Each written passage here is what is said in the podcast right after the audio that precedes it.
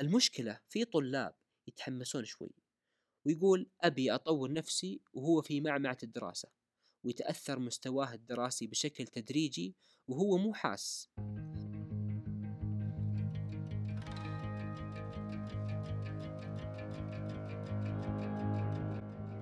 السلام عليكم ورحمة الله وبركاته. يا أهلا وسهلا بكم جميعا. معاكم أخوكم مشعل ونبدأ البودكاست يوميات مع مشعل.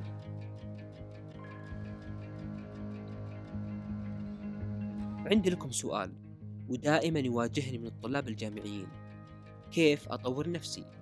لكن خلونا نفصل ونستطرد ونحاول نفند المسألة مع بعض. وبإذن الله راح نحل هذا السؤال الشائك والمعقد. أولا أنا أؤمن بكلمة مهمة جدا وهي التركيز. صحيح أنها كلمة مألوفة بالنسبة لنا لكن مشكلتنا نسمعها ولا نطبقها في حياتنا. والمعلومية التركيز هو الأساس في التعلم سواء أنت حاب الحاجة اللي تتعلمها أو يمكن أنك مجبر على تعلم هذه المهارة. من مميزات التركيز على مهارة معينة هو أنك راح تتمكن بتعلم هذه المهارة. وهنا لابد أن ننتبه من القفز من مهارة إلى مهارة. يعني مثلا تخيلوا معاي لو واحد يبغى يتعلم لغة برمجة وحدد أنه يتعلم لغة ال C plus plus ومشى فيها تمام. والفترة بسيطة قال لا أبغى أغير إلى لغة ال Python ونفس الفكرة مشى فيها وبعد فترة قال مم أنا راح أغير وأرجع إلى ال C plus plus في النهاية ما تعلم شيء. لأنه ما حاول أنه يضغط على نفسه شوي ويركز. مرة ثانية أكررها لا تقفز من مهارة إلى مهارة. التركيز على مهارة يعطيك أولا الثقة بنفسك ويخليك متمكن من هذه المهارة. هذا أول مفتاح وهو التركيز. الشيء الثاني مقولة مهمة وهي وقتك ثمين أكررها مرة ثانية وقتك ثمين إيش تبغى تقول يا مشعل؟ أقصد وقتك ثمين هو أنك لازم تعرف إيش تتعلم. لا تقول لي ما عندي شيء محدد وأبي أتعلم كل شيء هذا خطأ كبير وراح يضيعك بحيث أنك ما تعرف إيش قاعد تسوي. وبقول لك شيء أحيانا أنت قاعد تتعلم مهارة معينة وأنت ما تدري أنك تضيع وقتك حتى لو الناس يقولون إنها مهمة في عالمنا الآن. وحتى يمكن ما تضيف شيء في مجالك ويمكن أيضا تأخرك عن تعلم مهارة ثانية قد تكون هي الأصلح لمجالك. وفي احتمال أن صاحبك اللي هو نفس تخصصك قاعد يتعلم مهارة مفيدة جدا له ولكن لك مضيعة للوقت. طيب إيش القاعدة اللي ممكن أبني عليها؟ القاعدة تقول حدد المهارة بناء على مجالك الحالي بحيث هذه المهارة تسهل وتمهد طريقك في هذا المجال. وش رأيكم ناخذ مثال حقيقي؟ وبعد كذا تقدر تبني أفكارك وتحدد الأهم بالنسبة لك. أبى أقول لكم قصة عن واحد من أصدقائي اسمه محمد. هذا محمد تخصصه هندسة كهربائية وموظف في المطار. يعني حياته وعمله عن الطيران. يعشق الحديث عن أنواع الطيارات وعن صناعاتها ويحب يقول المصطلحات الإنجليزية. اللي دائما يستخدمونها. يعني شخص حاب الشغلة فعلا وإضافة له فترة في هذا المجال.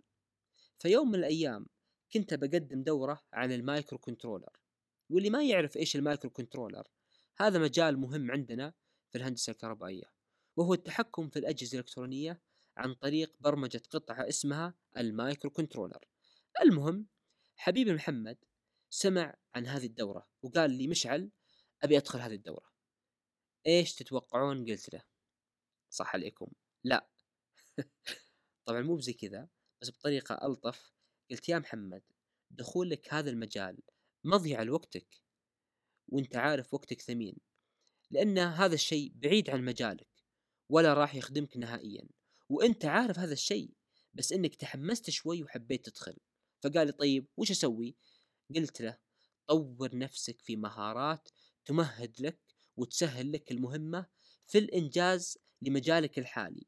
وأنت أدرى عن ما هي هذه المهارات. فهمنا إيش التركيز؟ بحيث أنك ما تقفز من مهارة إلى مهارة.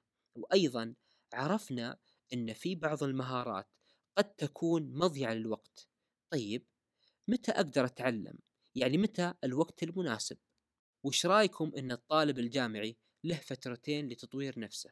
الفترة الأولى هي في أثناء دراسته في الترم والفترة الثانية إذا عنده إجازة طويلة يعني ما عنده دراسة جامعية. أسمي الفترة الأولى تعلم شيء جديد 20% وركز في دراستك 80% الفترة الثانية تعلم شيء جديد 100% وانسى الدراسة الجامعية. خلونا ناخذها حبة حبة. نبدأ في الفترة الأولى. تخيل أنت الآن بديت الدراسة وتبغى تطور من نفسك. في مهارات معينة. طيب خلونا نبسط الصورة. تقول لك القاعدة 80% ركز في دراستك الجامعية و20% تطوير. المشكلة في طلاب يتحمسون شوي ويقول أبي أطور نفسي وهو في معمعة الدراسة ويتأثر مستواه الدراسي بشكل تدريجي وهو مو حاس. أذكر واحد مستواه ممتاز جدا وما يبي يخلي أي شيء إلا ويتعلمه. يعني أي دورة يدخلها. يعتقد بزعمه أنه راح يتطور ويكون بارز بين أصحابه. ولاحظ أن معدله نزل نزول واضح. عشان كذا خلونا نختصر الحديث باستراتيجية آيزنهاور. سهل المهمة وعطانا قاعدة بحيث نقدر نصنف الأهم والعاجل بطريقة عجيبة. جيب لك ورقة. وليش ورقة؟ ارسم في خيالك. ارسم مربع وأبيك ترسم بداخل هذا المربع علامة زائد يعني تقسم المربع من النص بشكل عمودي وأيضا خط بشكل أفقي. كذا الآن صار عندك أربع مربعات.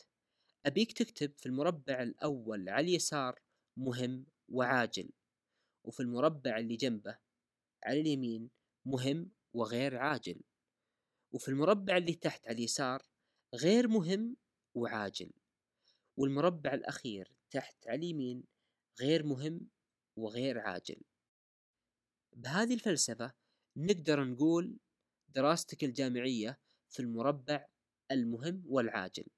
من خلال هذه المربعات المصنفة نقدر نحدد المهام. عشان كذا دراستك الجامعية أهم وهي تحتاج الوقت الأكثر بنسبة 80%